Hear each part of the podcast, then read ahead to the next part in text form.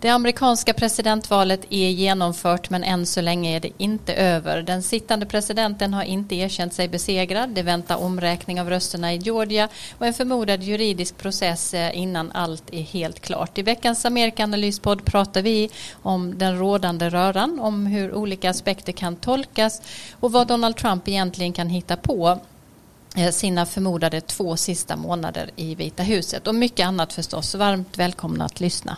I have a dream that one day this nation will rise up and live out the true meaning of its creed. This is a place where you can make it if you try. This is a country where anything is possible, no matter who you are. We do big things. Together, we represent the most extraordinary nation in all of history. What will we do with this moment? How will we be remembered?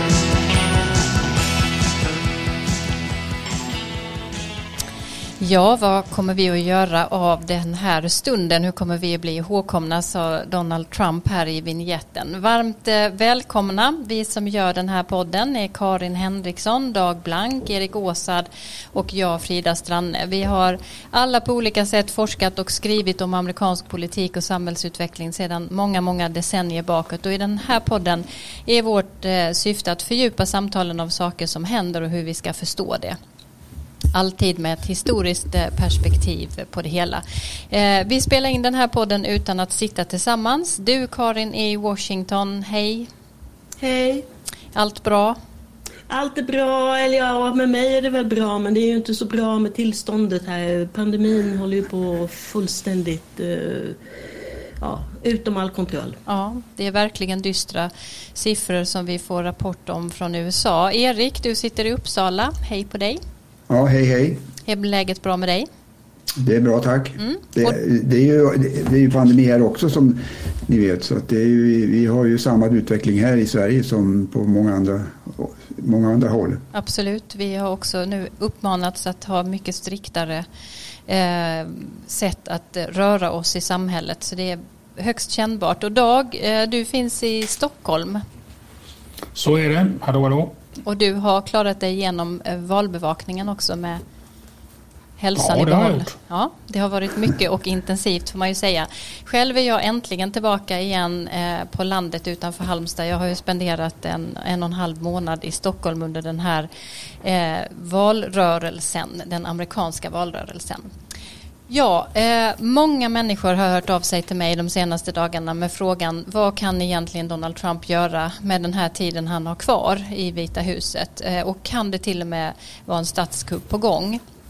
Jag tänkte vi skulle gå rakt på sak och, och, börja nysta lite i detta. Det är två, två olika saker men om vi börjar med det som faktiskt även professor Sofia Näsström skriver eh, idag på DN Debatt att vi bevittnar just nu ett försök till vad hon beskriver som en mjuk statskupp. Eh, då säger hon visserligen att det inte kommer att lyckas i hennes bedömning men att det är ett försök som vi måste ta på stort allvar. Erik, vad, vad säger du om detta? Hur ska vi tolka det Trump gör nu? Ja, jag tror man måste gå tillbaka och tänka igenom den retorik som Donald Trump har använt eh, ända sedan han ställde upp till val 2015. Och, eh, jag tänker på två, två uttryck. Det ena är då när han sa tidigt att pressen är folkets fiende. Han visste att pressen den, han måste göra demoner utav pressen. Va? Därför att då skulle folk i allmänhet inte tro på vad de skrev helt enkelt. Och det har ju lyckats i ganska stor utsträckning måste man säga. Hans anhängare eh, tror ju i väldigt liten grad på den så kallade elitpressen eller mainstream media. Och det andra det är då när han väldigt tidigt började att eh, tala om valet som riggat. Det gjorde han ju faktiskt redan 2016 för han trodde han skulle förlora då. Och allt det där ska man se som en förberedelse för en utveckling som han fruktade skulle komma. Alltså att han faktiskt skulle förlora valet eh, mot eh, Joe Biden, hans ärkefiende. Eh, och han har förberett sig, folket och framförallt sina egna anhängare för detta länge. Och nu bara hakar han i den retoriken igen. Titta, det blir precis som jag, som jag sa. Va? Så att han, han fullföljer en, en, ett gammalt upplägg som har liksom, eh, för, ur hans synpunkt sett fungerat väldigt bra. Alltså, framförallt då när det gäller hans del av väljarkåren. Men sen är det ju frågan vad kommer han då att göra i praktiken och det kanske vi kommer tillbaka till. Mm. Är det för dramatiskt tycker du att prata om en, ett försök till en eh, statskupp? Ja, den där termen är ju omstridd och man måste definiera. Jag såg att hon gjorde det här, Sofia Näsström, att det finns liksom mildare eller mjukare form av det. Och sånt där. Det där är lite eh, kontroversiellt bland statsvetare och debattörer. Men eh, så, så, innan man börjar prata om stats... Jag skulle vilja se en lite längre utveckling. Alltså vad, kom, vad kommer Eh, Trumpläget att göra när delstaten har, har certifierat, alltså eh, slutbehandlat eller kommit med slutresultat i varje delstat. Även de här som nu är vågmästarstater. Det tycker jag är liksom brytpunkten. Om man går vidare då och inte accepterar det, då kan man börja prata om en mjuk statskupp. Mm, så ytterligare eh, några veckor framåt måste vi invänta och se vad som händer. Vad säger du Karin om detta? Ja, jag säger att det i bästa fall, citat, citat, bästa, så är det kanske här någonting som han behöver ha, göra personligen för att smälta nederlaget. Och det finns redan uppgifter om att han ser det här som en slags teater, att han eh, fortsätter sitt, sin liksom flört med, med sina MAGA-väljare och att han vill liksom visa dem att, att de röstar inte på honom i, förgäves utan han står fast vid dem. Men samtidigt då i, i analysen av det här så kommer ju också bli mycket ifrågasättanden om, av eh, det republikanska partiets eh, uppträdande här. Att de spelar med honom, det är ju häpnadsväckande. Mm. Dag, har du någonting ytterligare? Ja, man kan väl lägga till till de kloka kommentarerna redan att det finns ju också ett mycket personligt element här att Donald Trump kan inte förlora. Och han, att, att förlora ett nederlag för honom liksom går emot allt i hans personlighet och hans fiber. Så det kan man också, det, man kan kanske förstå det ur den aspekten också. Mm. Det kommer vi tillbaka till lite senare eh, också. Om vi eh, utgår ifrån eh, att ett eventuellt försök nu att eh, få det här valet till att bli en seger inte kommer att lyckas som vi ju eh, allt tyder på. Eh, att systemet fungerar på det sätt som är tänkt också. Vad kan då Trump ändå göra under den tiden som han har kvar? För det är också frågor som hela tiden eh, jag hör och eh, många vänder sig eh, till oss och frågar om. Eh, vad har han för befogenhet och vad tänker ni om hur han kommer att eh, agera? Karin? Ja, han är ju president fram till den 20 januari och han kommer ju skynda sig och se till att han kan på något sätt låta sin trumpism leva kvar. Och han har gjort en utrensning i Pentagon som är väldigt ifrågasatt. Och, eh, en del av det här är lite tekniskt, att han försöker liksom sätta dit, sätta, placera sina egna lojala vapendragare på tjänster som de sen inte ska kunna avskedas från och så. Men vi får se, vi får se. Mm. Erik? Ja, nej, precis eh, som Karin sa här så är han ju president och har alla presidentens befogenheter fram till den 20, 20 januari klockan 12 då, 2021. Och, eh, eh, men, men alltså det normala, och då sätter jag det ordet inom citationstecken, det är ju att en president som är på utgång, som har förlorat, inte tar några stora policybeslut utan liksom låter tiden gå och framförallt låter eh, den som har vunnit valet få tillgång till allt som en inkommande president behöver i form av säkerhetsanalyser, ehm, underrättelseinformation och naturligtvis allt som har att göra så att, så, så att man underlättar den här transitionen så mycket som möjligt. Men det har han ju inte gjort och tvärtom så motarbetar han ju med så mycket, med större kraft än han, eh, eller all den kraft han har, så motarbetar han och hans jurister eh, valsegraren. Så att det spekuleras ju mycket om nu vad, vad kommer han att göra eh, veckan innan han avgår. För då, då brukar ju varje utgående president eh, benåda en massa människor. Särskilt de som är nära vänner som kanske har råkat illa ut och suttit inne eller så. Eh, och till och med finns det ju spekulationer om att han skulle kunna benåda sig själv.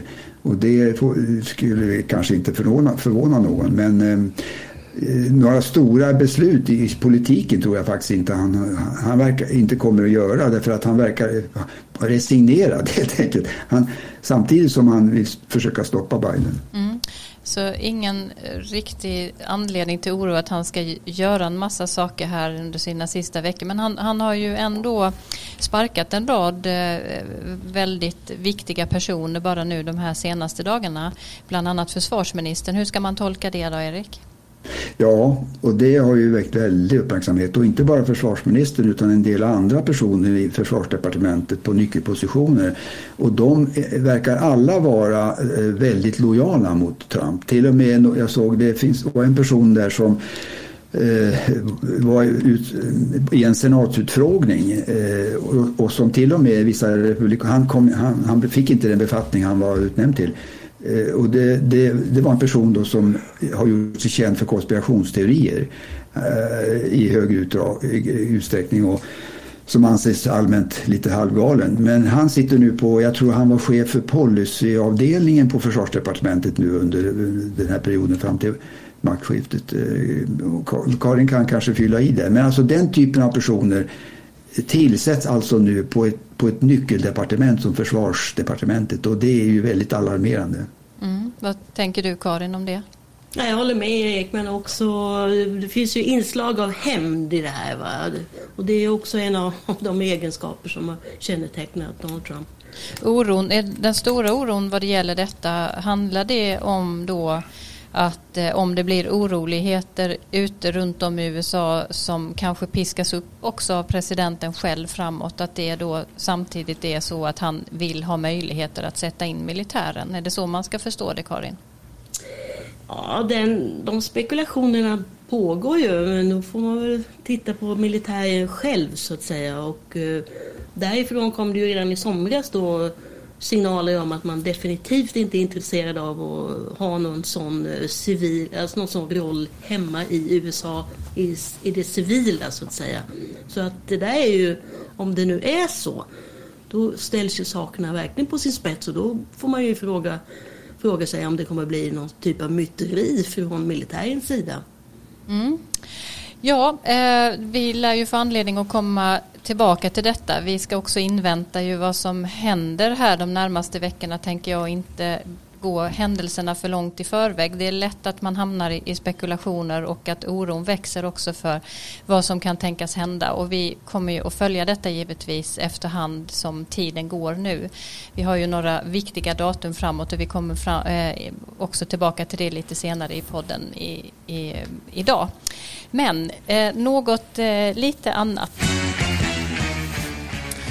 Om vi backar tillbaka Eh, till ehm, eh, bandet lite och titta på den här kampanjhösten eller presidentvalsåret i sin helhet. Vad, vad minns vi då mest av det? Vad står ut? Erik? Ja, det är ju väldigt mycket, men om jag ska ta någonting så är det vad som hände alldeles i början på valrörelsen. Och det var ju då att eh, till exempel en viss senator i Kalifornien som heter Kamala Harris. Hon var faktiskt, hon hoppade av hela racet i december 2019. Och hon var den första kandidaten som gjorde det. Eh, hon fick liksom aldrig igång sin valkampanj och det är intressant att, att tänka, tänka tillbaka på nu. Det andra jag tänker på det är att eh, det är då hennes parhäst Joe Biden. Alltså han, han har ju ställt upp då i tre val. Va? Eh, 1987, 2008 och så då för tredje gången här 2020. Och ehm, det har inte gått så bra. Han, han, i första valet, provvalet där i Iowa, där kom han ju faktiskt bara fyra. Och jag minns att han, han försvann ifrån, från, från Iowa innan han hade liksom ett möte med sina anhängare där i Iowa. Det, normalt har man ju det efter ett val. Men han, han smet ut bakvägen och åkte direkt till, till New Hampshire eh, där nästa primärval skulle hållas. Och vad hände där då? Han blev femma där. Och då var det ju många som skrev att Nej, men nu är det slut. Det här kommer inte att gå. Va? Och, men då hade han en liten strategi och det var att nästa val det var då i Nevada. Det var också sånt här provval eller caucusval. Eh, och det var lite lättare där att göra sig gällande så han kom tvåa där då.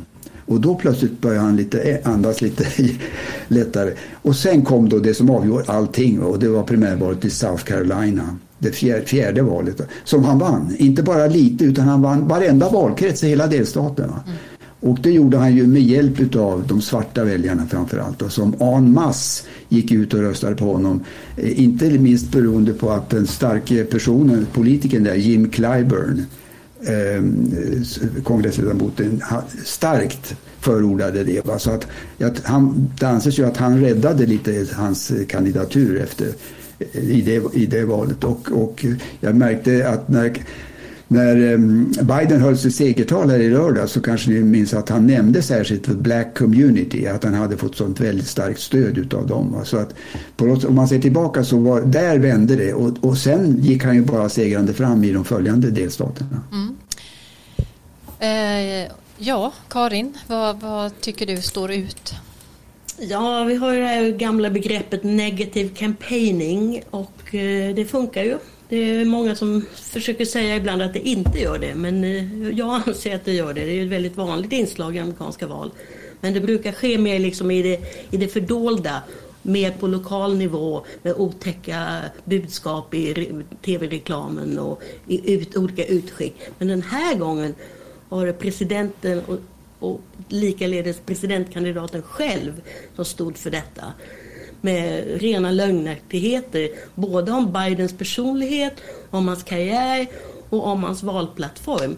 Och det här sena, sistnämnda då, att, att landet skulle bli ett kommunistiskt helvete, det gjorde ju uppenbarligen inte bara intryck på exilkubaner och exilvenezolaner i Miami utan även i större delar av landet. Det var ju som sagt lögnaktigt och det tycker jag var väldigt tråkigt att, att det var presidenten själv som stod för de här påhoppen. Mm. Och med tanke på vad både du Erik och Karin tar upp här så kommer vi kanske tillbaka till det men Biden förlorade ju faktiskt sett till Clinton både i den afroamerikanska eh, eh, gruppen och då framförallt bland eh, latinamerikanska män.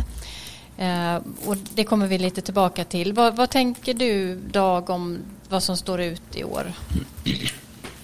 Ja, Karin och Erik har ju talat väldigt klokt där. Jag kan lägga till till det det här enormt märkliga, fruktansvärda promenaden som Donald Trump tog den första juni från Vita huset till St. John's Episcopal Church tvärs över från Vita huset mitt under de här stora protesterna och eh, demonstrationerna, våldsamma, när polisen gick in och försökte stoppa eh, mot eh, det rasistiska övervåldet i USA där, han, där polisen från olika federala styrkor och banade väg för honom som rensade området. Förmodligen användes tårgas så att han skulle kunna tar den här korta promenaden. Så ställer han sig utanför kyrkan. Han går aldrig in i kyrkan. Han ställer sig där, säger ingenting. Men han håller upp en bibel. Eh, det såg ut som han aldrig hade haft en bibel i sin hand. Och, och sen gick han, kom han, gick han tillbaka omgiven av ett antal höga rådgivare. Det var en så märklig eh, promenad och den signal som det sände var, tyckte jag, oerhörd. Och eh, hans pressekreterare Kelly McKenney efteråt jämförde den här promenaden med Churchills besök under kriget, när, under blitzen när London hade blivit bombat så kommer premiärministern ut och, och besöker de svårt skadade områdena och försöker ge stöd åt folket. Och det var hennes parallell där, Trumps promenad. Det var, han var som en, en, en Churchill i det bombade London. Det tyckte jag var talade väldigt mycket om en av de viktigaste frågorna i hela valkampanjen, nämligen rasrelationerna. Själv, ehm, ja det finns så mycket i det här valet givetvis, men själv tänker jag på den väldiga skillnad som blev mellan vad vi hade väntat oss skulle vara fokus eh, och vad som blev en helt ny verklighet och hur framförallt Trump inte kunde hantera den här situationen alls till sin fördel som han har lyckats med i så många andra sammanhang där vi ändå har räknat ut honom av en rad olika skäl när vi inledde det här året så var fokus på en till synes eh, god ekonomi, jobbtillfällen som slog rekord och börsen slog rekord och allt pekade på att Trump skulle gå en, en, en promenadseger till mötes. Eh, och hur också hela hans kampanjstrategi utgick ifrån det trots då en riksrätt som vi nästan har börjat glömma bort nu ju i allt detta. Och sen händer den här förfärliga pandemin och vad vi istället ser av det amerikanska samhället är alla de sårbarheter som finns och hur svårt många människor faktiskt har det. Eh, inte minst då afroamerikaner och andra minoriteter som har drabbats så hårt av eh, också pandemin rent eh, eh medicinskt och också ekonomiskt så småningom. Och sen hur Trump då inte bara var oförmögen att hantera den här krisen utan att han inte heller lyckas ställa om sitt budskap förrän kanske en, in på slutet här. Vilket ju är lite ovanligt för honom faktiskt eftersom han har varit så framgångsrik eh, att gör, vända det mesta till sin, till sin fördel. Men det finns ju väldigt, väldigt mycket givetvis eh, att blicka tillbaka till om det här valåret som inte blev likt någonting annat. Men om vi då istället eh, tittar lite närmare på att Joe Biden faktiskt eh, har vunnit eh, såväl närmare 5 miljoner fler röster och också en klar seger sett till antalet elektorsröster. Hur stort mandat har Joe Biden med detta, Karin? Ja, det där beror lite på vad man står själv naturligtvis, hur, hur det bedöms. Men historiskt sett så är, ser det ut som att han kommer att ha vunnit en, en övertygande seger och kommer att få en, en majoritet av the popular vote. Och eh, med tanke på att Donald Trump tyckte att han hade ett väldigt tydligt mandat 2016 så får man väl säga att det gäller i ännu högre grad Joe Biden den här gången. Men sen var ju, det var ju starkt alltså av Demokraterna att, att få presidentämbetet så att säga. För oavsett vad man tycker och tänker om Donald Trump så var han ju faktiskt en sittande president som har stora fördelar i presidentval. Och sen så att det inte gick så bra för Demokraterna på andra nivåer får man lite grann se mot bakgrunden av att de eh, att det gick så bra för dem i eh, kongressvalen 2018. Så det här var lite av en rekyl. Och beträffande senaten vet vi inte hur det kommer gå. Men eh, Demokraterna fick i alla fall en plats, men det, de hade ju hoppats på mer. Mm. Erik? Ja, jag håller med om att eh, Biden har ett mandat efter det här valet. Han vann ju som ni var inne på här överlägset både i totala antalet röster och i elektorskollegiet. Och valet hade ju ett väldigt högt deltagande får man ju påminna om här. Att det ser ut att bli det högsta på kanske 100 år. Eh, kanske upp mot 65-66 procent. Och Eh, det har inte varit, man har gått tillbaka till 1908 här och tittat hur det såg ut då. Och då, då var det alltså 65,4 procent som röstade. Men då ska man komma ihåg att kvinnor hade inte rösträtt. Svarta kunde rösta bara i väldigt liten utsträckning. Så att det inte är så bra jämförelse egentligen. Men, men just genom att valdeltagandet var så högt och han fick då, eh, vad är sista siffran Karin? Är det 77 miljoner röster? Något sånt där har han nu tror jag. Ja, och, ja. Och det, det, några miljö, det, det, det, man säger 96 procent röstade, eller räknade. Så räknade, ja. Just det. ett tag till. Mm. Ja, och då, det innebär att, jag tror inte man har räknat klart i Kalifornien och New York till exempel, som är så oerhört folkrika, så han kanske kommer upp till 78, 79, 80 miljoner, vi får se. Ehm, så, eh, ja, och sen då hänger på här hur det går i senaten om han vinner även Georgia och Arizona. Och då skulle han totalt då få 306 elektorsröster vilket är två fler faktiskt än vad Trump fick eh, 2016 eh, när han kallade sin seger för en landslide. I, i, i, alldeles efter valet så fick han 306 också men sen hoppade faktiskt några elektorer av där så att han fick 304. Eh, jag har givetvis inga invändningar mot att Biden har ett klart och tydligt mandat. Det har han ju fått inte minst vad gäller att han nationellt vann så många fler röster. Jag tycker ändå att det finns all anledning att understryka att det inte kan sägas vara den blå våg man hade ändå kunnat förvänta sig efter fyra år med Trump och eh, hans sätt att, att leda landet och framförallt kanske efter den här eh, senaste årets pandemi. Istället var valet mycket jämnt i flera delstater eh, så att även om han vann eh, betydande vad det gäller elektorskollegiet så, så har det ändå varit mer jämnt än vad framförallt opinionsmätningarna indikerade och Trump ökade sitt stöd och framförallt republikanska framgångar i delstatskongresserna var ju väldigt tydliga. Man vann ju till och med majoritet på, i två nya delstater. Um, så valet visade ju verkligen hur djupt polariserat USA är och vilka enorma utmaningar Biden har i sin ambition att, att ena landet. Jag har en, en liten farhåga och det är att Demokraterna ändå kommer ta det här elektorskollegiet och de här rösterna man har med sig i ryggen eh, som en valframgång och inte gräva i varför man inte vann större eller på andra sätt utan bara gå vidare och det tror jag kanske kan bli ett misstag. Jag tror också det kommer att visa sig ganska betydande inre stridigheter i, i partiet framåt. Men Karin, du kanske har någon annan uppfattning? Ja, nej men det får vi ju se. Det är som du säger, det kommer ju visa sig. Och vi har ju nog varit inne på det förut att eh, Joe Biden inte riktigt har fått han har inte riktigt ställt mot väggen när det gäller de interna splittringarna. Men eh, från hans sida, han har ju nu, Joe Biden har ju nu gjort en rivstart och eh, han har ju då lagt fokus på pandemin och på att återställa ett slags lugn. Så att, eh, men samtidigt då, beroende på hur det går i Georgia som vi också har nämnt ett, par gånger. Så, och jag tror att vi får utgå från att det blir republikansk majoritet. Och då på något sätt andas väldigt många ut i det amerikanska samhället och menar att Joe Biden på det sättet får en automatisk hållhake på sig. Så att han måste föra någon slags vänster, eller vad säger, mittenpolitik. Så det där kommer visa sig. Mm. Dag, har du något att tillägga?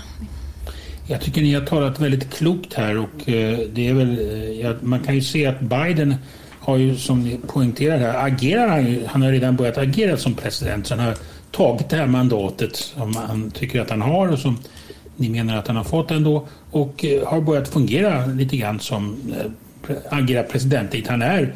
Man ser de här stora skyltarna bakom hans The Office of the President Elect fastän den avgående presidenten ännu inte har erkänt det. Det är väl inte osannolikt att tänka sig att eh, Joe Biden också dels på grund av sin långa erfarenhet men framförallt nätverk och erfarenhet av att ha jobbat över partigränserna kommer att eh, försöka att eh, ha medarbetare och människor i sin administration från båda partierna. Eller vad säger du Erik om det? Ja, det tror jag absolut. Och det har ju varit regel faktiskt under väldigt lång tid. Ända fram till Donald, eh, Donald Trumps presidentperiod. Man kan, Bill Clinton hade ett par, tre Eh, republikaner. Eh, Obama hade åtminstone två eller tre också. Och eh, George W. Bush hade, också, hade en demokrat som transportminister. Så att det, har, det är ju ett sätt att, att, visa att man räcker ut handen till motståndarna och, och också naturligtvis vill man ha, ha med dem i olika förhandlingar och, och, och, beslut som går igenom då i kongressen och så. Men, men Donald Trump har ju haft en helt annan strategi. Han, det har ju varit liksom eh, ryggen vänd mot motståndaren hela tiden. Och det skulle förvåna mig om inte Joe Biden utser kanske ett par, tre stycken republikaner. Han har ju att välja på mellan när det gäller Never Trumpers, de här som verkligen har varit emot eh, Donald Trump. Så att, Eh, det, blir mycket intressant att se. Men naturligtvis så kommer många utav de namn nu som han kommer att eh, sätta på nyckelpositioner eller nominera till kabinettet till exempel kommer att vara ifrån eh, Obama-perioden tror jag. Sådana som hade till exempel nu den här stabschefen som annonserades idag, Ron Klein, tror jag det uttalas, som ju var stabschef också åt Joe Biden när han var vicepresident. Och sen får man ju inte glömma att det är upp till bevis också för Republikanerna huruvida man eh, tar emot en eventuellt utsträckt hand. Och det får vi också anledning att komma tillbaka till. Nu till någonting helt annat igen. Ja, varje vecka så har vi ett inslag som vi kallar veckans Trump här i podden. Eh, de gångna dagarna har Donald Trump dock varit ovanligt osynlig får man säga och bara gjort ett par framträdande. Eh, till exempel förra torsdagen och då lät det så här. Good evening, I'd like to provide the American people with an update on our efforts to protect the integrity of our very important 2020 election. If you count the legal votes, I easily win. If you count the illegal votes, they can try to steal the election from us. If you count the votes that came in late, we're looking at them very strongly, but a lot of votes came in late. I've already decisively won many critical states, including massive victories in Florida, Iowa, Indiana, Ohio. To name just a few, we won these and many other victories despite historic election interference from big media, big money, and big tech. As everybody saw, we won by historic numbers. Ja, Karin, det är det här vi har hört upprepas nu den, de gånger vi har hört Trump tala eller sett hans inlägg på Twitter. Att han vinner valet säger han här igen. Vad händer nu? Kan du reda ut det lite för oss? Ja, nu händer följande. Eh, att det, de närmaste veckorna kommer det bli är det deadlines i olika delstater för när de måste slutgiltigt fastställa valresultatet. Och eh, några stater måste göra det den här veckan och sen tror jag de, det, det dröjer ytterligare ett, tag innan de sista eh, innan det är dags för de sista. Och sen, nästa datum är den 8 december. Då måste de ha löst eventuella tvister om valresultaten i delstaterna. Den 14 december ska elektorerna samlas för att rösta då och det gör de i sin egen delstat. Och eh, sen räknar de rösterna, skriver under resultatet, lägger det i förseglade kuvert som skickas till olika instanser. Den 23 december måste de här kuverten ha nått fram till adressaterna. Den 5 januari, och det är då ett extra datum den här gången, det är då som det kommer att hållas val till två senatsplatser i Georgia. Något som alltså kommer påverka maktställningen i senaten. Den 6 januari, och det är ett par dagar efter det att den nyvalda kongressen inleder sitt arbete, så sammanträder senaten och representanthuset klockan 13 för att räkna rösterna efter det att vicepresidenten öppnat kuverten. Så det är en väldigt historisk och laddad procedur. Och om då en kandidat har nått 270 röster, vilket då vi får utgå från att eh, Joe Biden har, så kommer vicepresidenten att fastslå att vi har en ny president och också en vicepresident. Det blir högtidligt den dagen. Och sen som sagt 20 januari klockan 12 på dagen så tillträder den nya presidenten. Mm. Eh, det är säkert föremål för en hel eh, podd. Men du, du sa här den 8 bland annat december så är det ett sånt här viktigt datum och då måste man vara överens eh, om att ha löst eventuella tvister.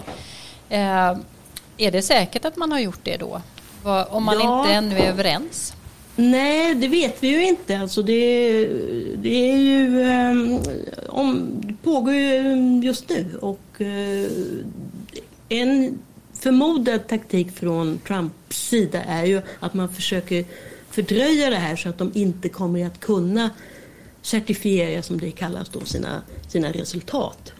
Men eh, hittills så är det ingenting som pekar på att de stämningar som har inlämnats eller de fall som man har pekat på faktiskt har bäring. Det, det finns inga, inget trovärdigt fall där man har kunnat peka på att någon att det inte har gått rätt till. Och det här är väldigt tråkigt att det har blivit så här. För att av allt att döma så är det ett mycket, har det varit ett mycket smidigare val den här gången. Det är ju alltid stök.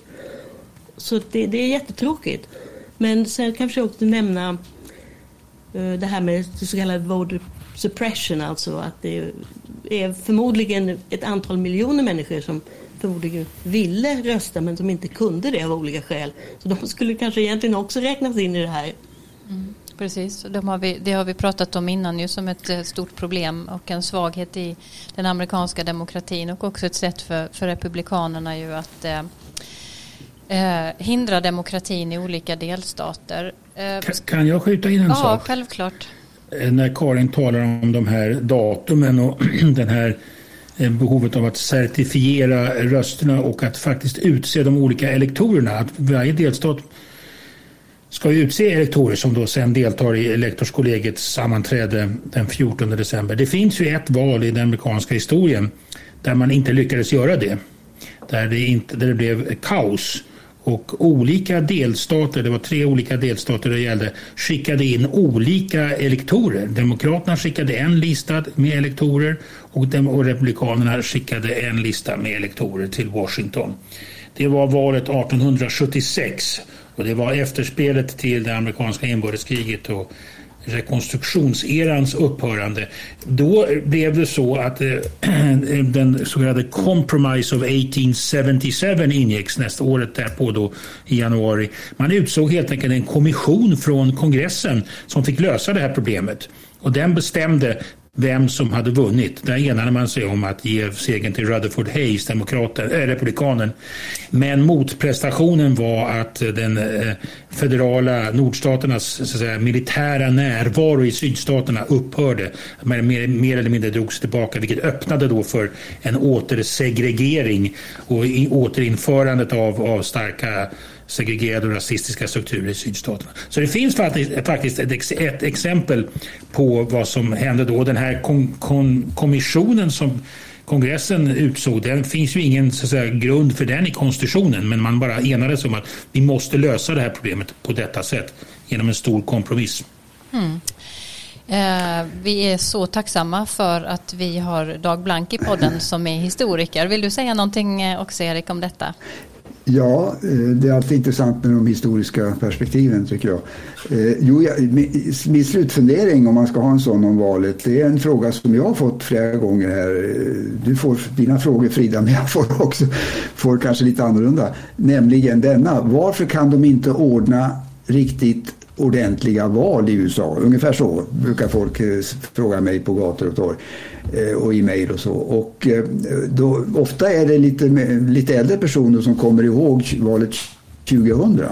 Då hade Florida framför allt och då hade ju många delstater en ganska ålderdomlig eh, röstningsprocedur eh, med, med valmaskiner där man stansade kort och ni kommer ihåg det där. Eh, och det har väl uppdaterats och nu kanske på många håll har man, man röstar med genom att peka på en, på en datorskärm. Men fortfarande så slås man ju av detta att trots att valutslaget nu var så klart att det tar sån tid alltså. Till exempel eh, vissa av de här delstaterna eh, som nu återstår, som inte har räknat klart. Valet hölls ju den 3 november och vi sitter och pratar här den 12 är det va? Och eh, vad, vad, är det som gör att man inte kan ordna valen som, som mer smidigt och, och, och, fort och få en acceptans för det?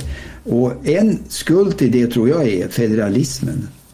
Alltså att delstaterna ordnar det här på egen hand. Och då har man liksom 50 olika delstater som gör saker helt på olika sätt. Har olika regler för, för brevröster och, och hur, hur lång tid före man kan rösta. Allt det där är olika. Va?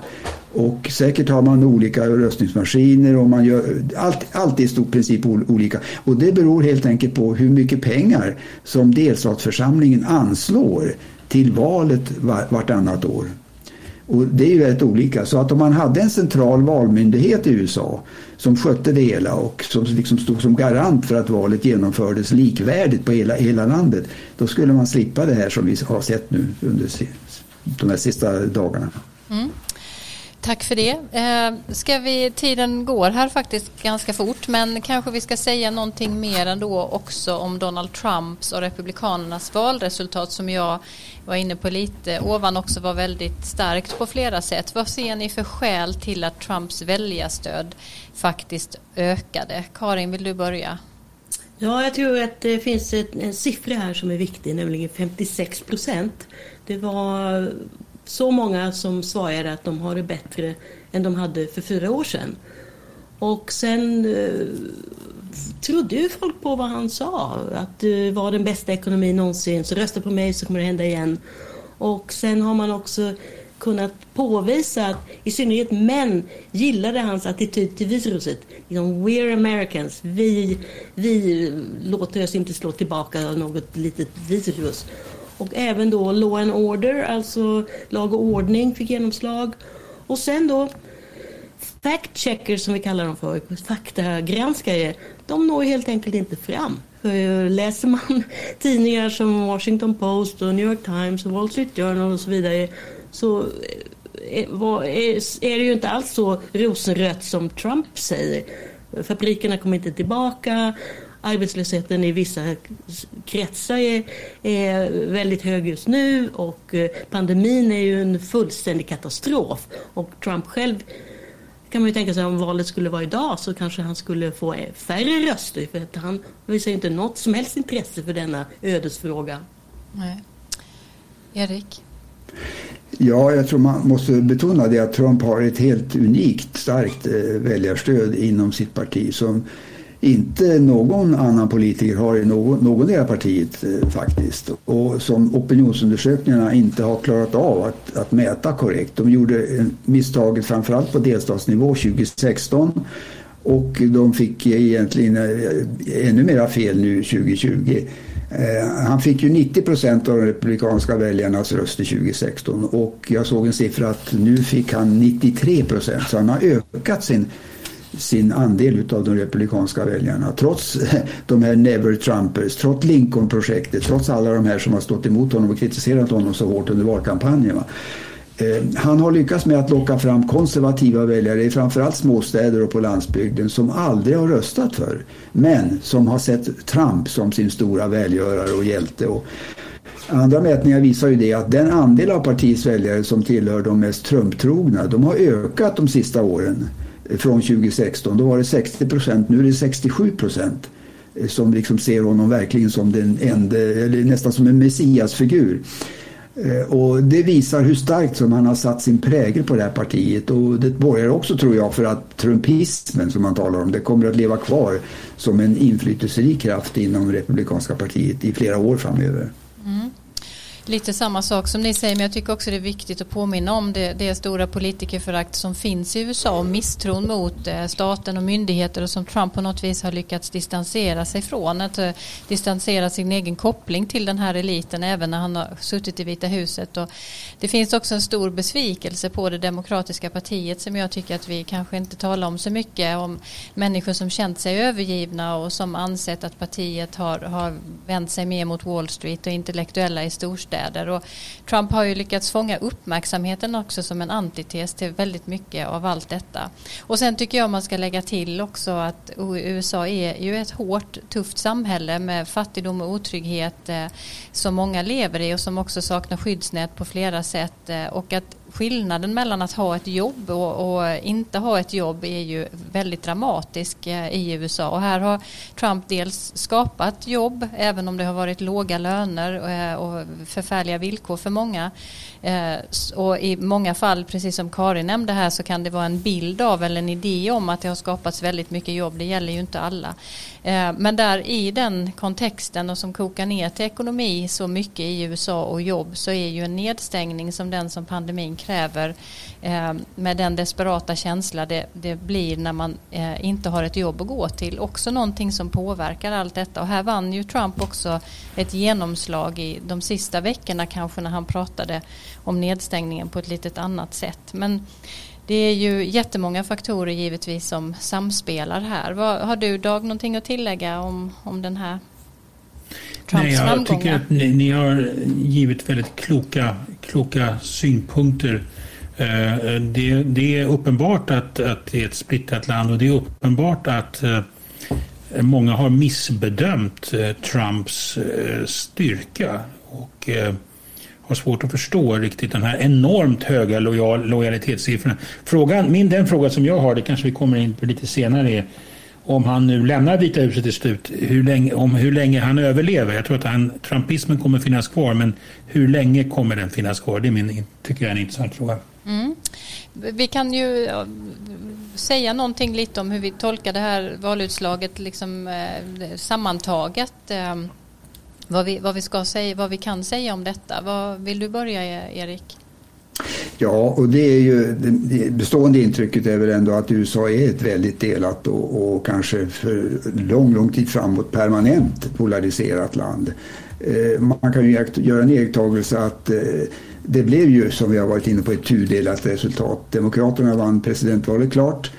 Eh, medan Republikanerna gjorde betydligt bättre från sig än väntat då i kongressvalen och även i valen på delstatsnivå. Vi ska inte glömma det för de blir ju väldigt viktiga nu när man ska göra nya valkretsindelningar efter års, årsskiftet.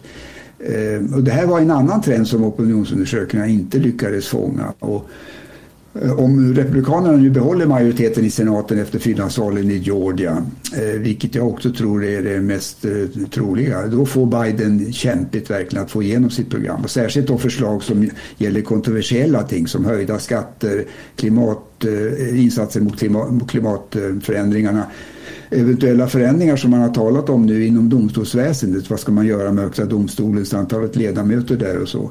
Eh, och där är ju skillnaderna väldigt stora mellan partierna. Och då får han ju precis som Trump lita till att använda massor av eh, presidentorder, executive orders. Och det kommer han enligt vad man har sett i, i nyhetsbevakningen att göra, åtminstone inledningsvis eh, när han tillträder. Mm. Dag? Ja, jag tycker det är viktigt att komma ihåg att eh, det finns en, trots den här splittringen, precis som Erik talar om, och den, den är ju otrolig egentligen, så finns en intressant generationsaspekt här också. Jag tror att samtidigt som man tittar på det här resultatet, man ser splittringen, så kan man kanske se konturerna av en ny politisk geografi. Och generationsaspekten är, tycker jag är intressant. Man talar om olika generationer Baby boomers, det är den som har dominerat sedan 1980-talet. Vi säger väl 40-talisterna här kanske, det är väl ungefär samma. Den är lite bredare i, i USA, den går lång, in, in på 60-talet, alltså födelseåren där. Den är på väg ut och ersätts här nu av millennials och generation Z. Eh, millennials de anses vara födda då mellan 1981 och 96 och generation Z det är de som är födda sedan 1997.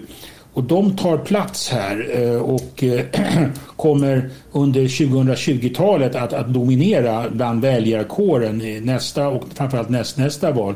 Eh, och det är en helt annan grupp alltså. De är mycket mera högre mångfald. 49 procent av generation Z anses vara people of color som man säger, som olika minoritet. 45 procent av millennials. Medan boomers de är 70 procent vita. Så det är en intressant förändring som ligger framför oss och som är värd att hålla ögonen på under 2020-talet. Mm. Och där har ju naturligtvis eh, Demokraterna, det såg man ju, de har ju ett väldigt, Biden har ett väldigt starkt stöd bland de här yngsta grupperna, de här olika generationerna. Mm. Karin? Ja, jag håller med Dag. Alltså, det här är ju oerhört viktigt. Ja, och Biden visar ju att han eh, lockade, kanske indirekt med hjälp av, eh, av Elizabeth Warren och Bernie Sanders och eh, Alexandria Ocasio-Cortez, vem vet. Men alltså, de unga röstade på Demokraterna och dessutom finns det då eh, siffror som visar att Biden vann i regioner som sammantaget står för, jag kommer inte ihåg, men två tredjedelar av USAs eh, BNP eller någonting sånt. Och eh, det här ska då ses mot bakgrunden av en annan eh, ett annat begrepp som kallas för minor, minority rule, alltså minoriteten regerar eller styr. Och det gäller ju i hög grad för Republikanerna att de deras styrka beror på att de är starka då i vissa delstater på grund av systemet och på sikt är det känsligt för dem tror jag. Mm. Ja, det är ju väldigt viktigt att påminna om det här med dels det vi har pratat om så många gånger att Republikanerna ändå har ett starkt eh, fäste i många delstater och också använder olika vallagar för att eh, försöka motarbeta de här eh, demografiska förändringarna som du ofta pratar om Dag och som ju givetvis är väldigt viktiga Eh, som är en del i det hela. Och jag är lite också djävulens advokat kanske här men jag vill ändå påminna om att den här kraften som finns i att måla upp etablissemanget som en fara och hur Trump redan mobiliserar sina väljare i helt andra sociala mediekanaler än Twitter eh, som har ju börjat stänga ner eller markera olika inlägg och jag får informationer från bekanta i olika delar av USA om just hur man flyttar över redan nu i andra nätverk som finns och som jag inte ens kan namnet på. Eh, men, och detta gäller människor i den egna tennisklubben eller eh, föräldrar på skolan och så, inte bara de här som vi ofta förknippar med Trump-supporters. Eh, så jag tror att Donald Trump kommer kunna vara en oerhört destruktiv kraft utanför ovala rummet och ha en, en, använda sin stora förmåga också och dra med sig stora skaror i en kampanj för att motarbeta Biden-administrationen och de här sakerna som ni nu pratar om också framåt, vilket ju är någonting i alla fall att hålla ögonen på, tänker jag. Får jag eh, hålla med dig där Frida? Jag tror du har alldeles rätt i att det kommer att Eh, Eh, dagen efter installationen av Joe Biden så kommer det att vara en enorm protestmarsch eller protestmarscher över hela USA med Hallands anhängare. Eh, som är en motsvarighet tror jag till kvinnomarschen dagen efter eh, Trump, Trumps installation 2017 som vi kommer ihåg. Var, det var ju en av de största demonstrationerna i Amerikas historia om jag inte minns fel. Eh, och det, det, det, kommer att vara inledningen tror jag på motståndsrörelsen från höger. Alltså, som kommer förmodligen att se lite annorlunda ut än vad Tea Party-rörelsen gjorde när, när de tog upp kampen mot Barack Obama. Eh, ganska snabbt efter tillträdet 2009. Men, men så där fungerar ju USA-politiken idag. Att en, den ena sidan vinner tillträde, försöker utföra sin politik och genast eh, så aktiveras oppositionen emot den. Så att, och nu finns det ju, den, den, opposition vi talar om då, den är inte liten. Va? Titta på hans, hans röstetal nu, han kommer förmodligen upp i kanske 73 miljoner väljare ändå. Och om jag inte minns fel så fick han 62, 60, det är nästan 10 miljoner väljare fler än förra gången. Det är ju ganska häpnadsväckande. Mm.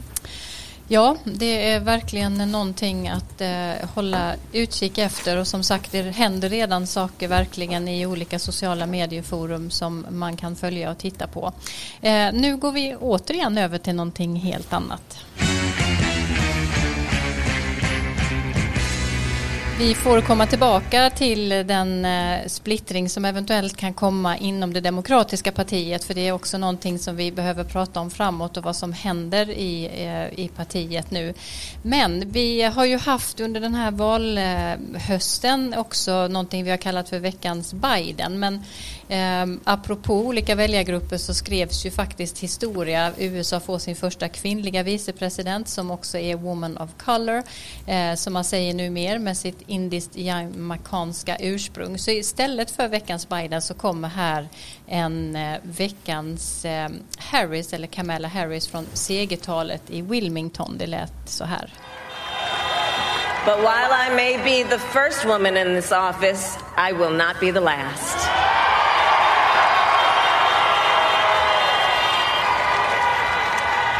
Because every little girl watching tonight sees that this is a country of possibilities. And to the children of our country, regardless of your gender, our country has sent you a clear message. Dream with ambition, lead with conviction, and see yourselves in a way that others may not, simply because they've never seen it before. But know that we will applaud you every step of the way.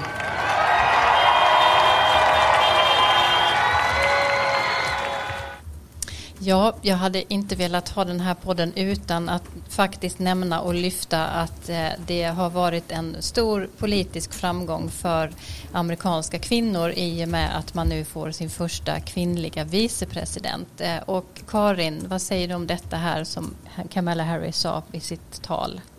Jag håller med vad du just sa och eh, det här var ju ett budskap till alla små tjejer i hela landet att nu det finns, ingen, eh, det finns inget glastak längre. Det gör det naturligtvis. Men det var ju väldigt eh, det, som du sa, det här var en, en historisk uh, milstolpe som passerades och den har kanske inte riktigt uppmärksammats så mycket som den borde. Och uh, sen kan vi ju för, liksom, prata på om huruvida det var identitetspolitik som gjorde att Biden valde just henne. Men eh, det var ändå ett faktum att hon bidrog till valsegern och det tycker inte jag har diskuterat tillräckligt mycket. Nej, för att vi, och vi, det här är också ytterligare ett sånt här ämne för podden, men man måste ju faktiskt ändå uppmärksamma eller påminna också om alla som kanske inte riktigt känner till hur eh, ojämställd faktiskt politiken i USA är. Man har fortfarande bara 25 procent kvinnor i den amerikanska kongressen. Det är 26 procent i senaten. Det är 23,7 tror jag eh, i alla fall eh, före det här valet i eh, representanthuset. Det är nio av landets alla eh, guvernörer är kvinnor. Och vi vet ju hur få kvinnor det har funnits i den högsta domstolen till exempel. Det här är verkligen någonting som man har alla anledningar att eh, jobba med. Och som också fler och fler kvinnor ju faktiskt kräver. Och fler, fler och fler kvinnor ser nu en möjlighet till att ta plats i politiken. Och det har vi ju många orsaker till bakåt. Men det är verkligen, verkligen ett viktigt steg för eh, kvinnlig representation på höga politiska poster. Eh, jag tror vi har en ljudillustration till här med Rudy Giuliani och det var du Dag som föreslog den. Eh, varför gjorde du det? Ja, därför att den handlar om de vilda teorierna om fusk i valet och eh, som ju framförs från Trumps sidan och att Rudy Giuliani, presidentens personliga advokat, den gamle borgmästaren i New York som har beskrivit en mycket märklig utveckling från att ha varit en mycket respekterad omtyckt politiker, inte minst i samband med 11 september-attacken i New York, nu har blivit en eh, attack eh, attackdog, attackhund för Trump och försvarar honom i alla lägen extremt lojalt och han hade en han är nästan lite galen kan man tycka. Erik har skrivit om den där utvecklingen på vår blogg. Och det hölls en presskonferens där man skulle då presentera eh, exempel på valfusk och, eh, i Philadelphia och den hölls på en parkeringsplats framför en nedgången parkeringsplats framför en eh, sån här trädgårdsaffär och bredvid en porrbutik och en eh, begravningsbyrå. Väldigt märklig plats och där stod han och ropade och skrek. Vi kan höra lite på det. The call for Joe Biden is, it? who was it called by? All the oh my goodness, all the networks. Wow. All the networks. We have to forget about the law. Judges don't count. All the networks, all the networks, all the networks thought Biden was going to win by 10%. Gee, what happened? Come on, don't be, don't be ridiculous. Networks don't get to decide elections. Courts do. Ja, jag, jag, är glad att du använder ordet att han verkar bli blivit lite galen. För jag har många gånger suttit och tittat på honom nu och undrat att han har fullständigt tappat konceptet från den eh, person han var ju i samband med 11 attackerna. Så vad, vad, vad har egentligen hänt? Eller du kanske vill säga någonting helt annat Dag? Nej, jag vet inte. Det är väldigt svårt. Det finns ett bra amerikanskt uttryck, Oh how the mighty have fallen. Så tänker jag ibland när man, när man ser honom. Alltså han är, det, det, är någonting märkligt som har hänt där måste man säga. Mm. Och det, det, Trump-gänget är en, en samling herrar i över 70 år som framträder och bråkar och skriker. Ja, eh, Rudy han var ju en legendar på sin tid och han är en riktig New Yorker förstås med lite med den stilen. Men det, det, ja, den där presskonferensen kommer gå till historien. Och den var ju annonserad, det skulle vara before Seasons, ett av de här stora fina hotellen.